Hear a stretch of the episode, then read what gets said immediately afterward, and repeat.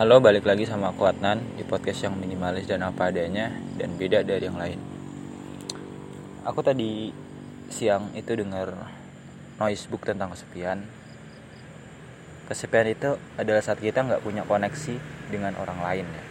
Nggak ada kayak nggak ada unsur sosial gitu kita nggak merasa dekat dengan orang lain. Itu benar. Tapi kalau sendirian itu benar-benar kita nggak ada siapa-siapa di samping kita benar sendiri. Tapi belum tentu kita menderita. Tapi kalau kesepian itu kita menderita. Sendiri tapi nggak merasa kesepian ya mungkin dia punya sesuatu yang dia kejar meskipun dia cuma berjuang sendiri. Dan ada orang yang merasa kesepian di tengah keramaian. Ya mungkin dia nggak punya koneksi. Tapi bagaimana orang yang sendiri tapi dia merasa sepi? Ya mungkin ini yang sering kita hadapi ya. Kita nggak punya siapa-siapa yang bisa kita percaya kita punya trust issue. Akhirnya kita merasa kesepian dan merasa hidup ini nggak ada gunanya tenang.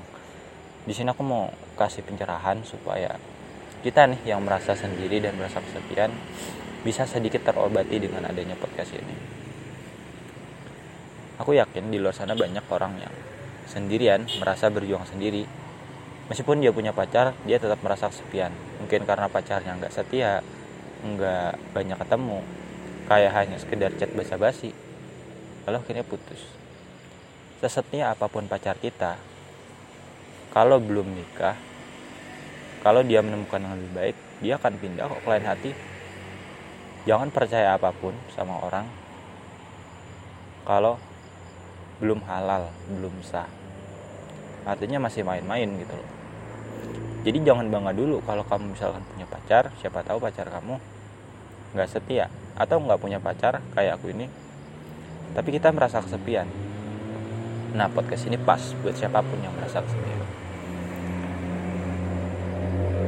Dulu aku udah bilang bahwa kesepian itu sebenarnya perasaan nggak nyaman di satu hal. Dalam konteks ini adalah kita nggak ada koneksi dengan dunia sekitar padahal ada pesta di sekitar kita. Eh kita nggak nyaman. Padahal ada banyak orang di sekitar kita. Eh tapi kita merasa pengen menjauh pengen segera pulang dari tempat itu. Kita merasa nggak dia menghargai dan sebagainya. Itu racun ya buat kita. Namanya racun itu kan akan buat kita mati ya. Mungkin mati rasa. Bisa mati fisik. Ada orang bunuh diri karena dia nggak punya koneksi dengan orang lain kesepian. Banyak itu terjadi. Dia merasa bunuh diri selesai. Dia merasa kalau dia bunuh diri orang lain akan senang. Dia nggak ada. Benernya nggak. Yang terjadi adalah dunia itu akan berjalan seperti biasanya. Nggak peduli kamu mati atau masih hidup dunia akan begitu terus. Resesi akan terjadi. Demonstrasi tetap ada. Orang kritis itu akan terus ada. Masalah-masalah dulu ada terus berjalan.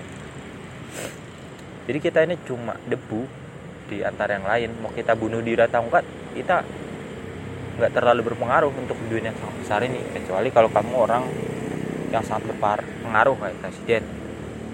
Ya mungkin itu sedikit ya mempengaruhi jalurnya dunia. Tapi lambat laun orang akan lupa sama kamu. Karena kamu yang bukan siapa-siapa. Dan pada dasarnya manusia itu bukan siapa-siapa. Jadi yang pertama itu kalau kamu merasa sepi dengerin ini. Yang pertama kamu bukan siapa-siapa. Kamu bukan tokoh utama dalam kisah hidup orang lain. Jadi jalani hidupmu sesuka hatimu. Yang penting kamu bahagia. Selama itu baik lakukan aja. Nggak usah peduli apa kata orang validasi orang. Chat kamu dibalas ya udah biarin. Jangan dibawa ke dalam hati.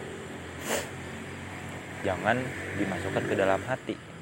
Karena hati kita ini terlalu rapuh untuk menyimpan hal-hal yang sangat sensitif. Hati kita ini hanya digunakan untuk menyimpan hal-hal yang bahagia, yang menyenangin kita. Kalau ada orang yang nyakitin kita, tinggalin aja, nggak usah direspon, diblokir, silakan.